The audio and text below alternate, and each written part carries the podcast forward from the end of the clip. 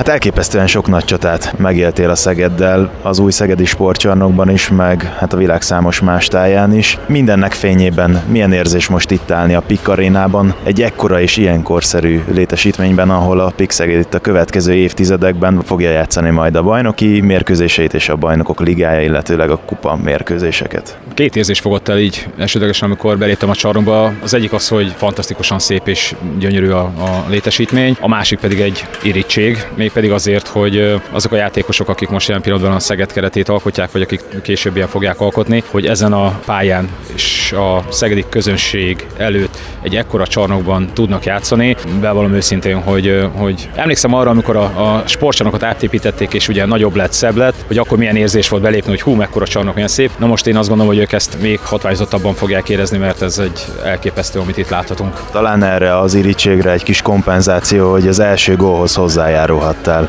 Ez milyen érzés volt? Hát most mondhatom azt, hogy hamarabb dobtam gólt, mint ők, de természetesen a nagyon picit is, de, de jó érzés volt az, hogy, hogy részese lehettem ennek a, a megnyitónak, meg egyáltalán ennek a, az ünnepségnek, ami most itt a csarnoknak a melyik társa kapcsán van, és még hogyha tényleg egy másodpercre is, de, de jó érzés volt. Olyan játékosa, volt játékossal a pályán lenni, mint Budai Ferenc, ugye, aki korábbi kiváló szegedi játékos, illetve hát a fiatalok, akik majd a közeljövőben, vagy a távoli jövőben majd a Pixeged csapatát erősíthetik majd. Ez egy egyébként tényleg egy jó érzés volt, azt kell mondjam. Mellette az, hogy vicc, hogy tényleg én már itt hozzájárultam egy gólhoz.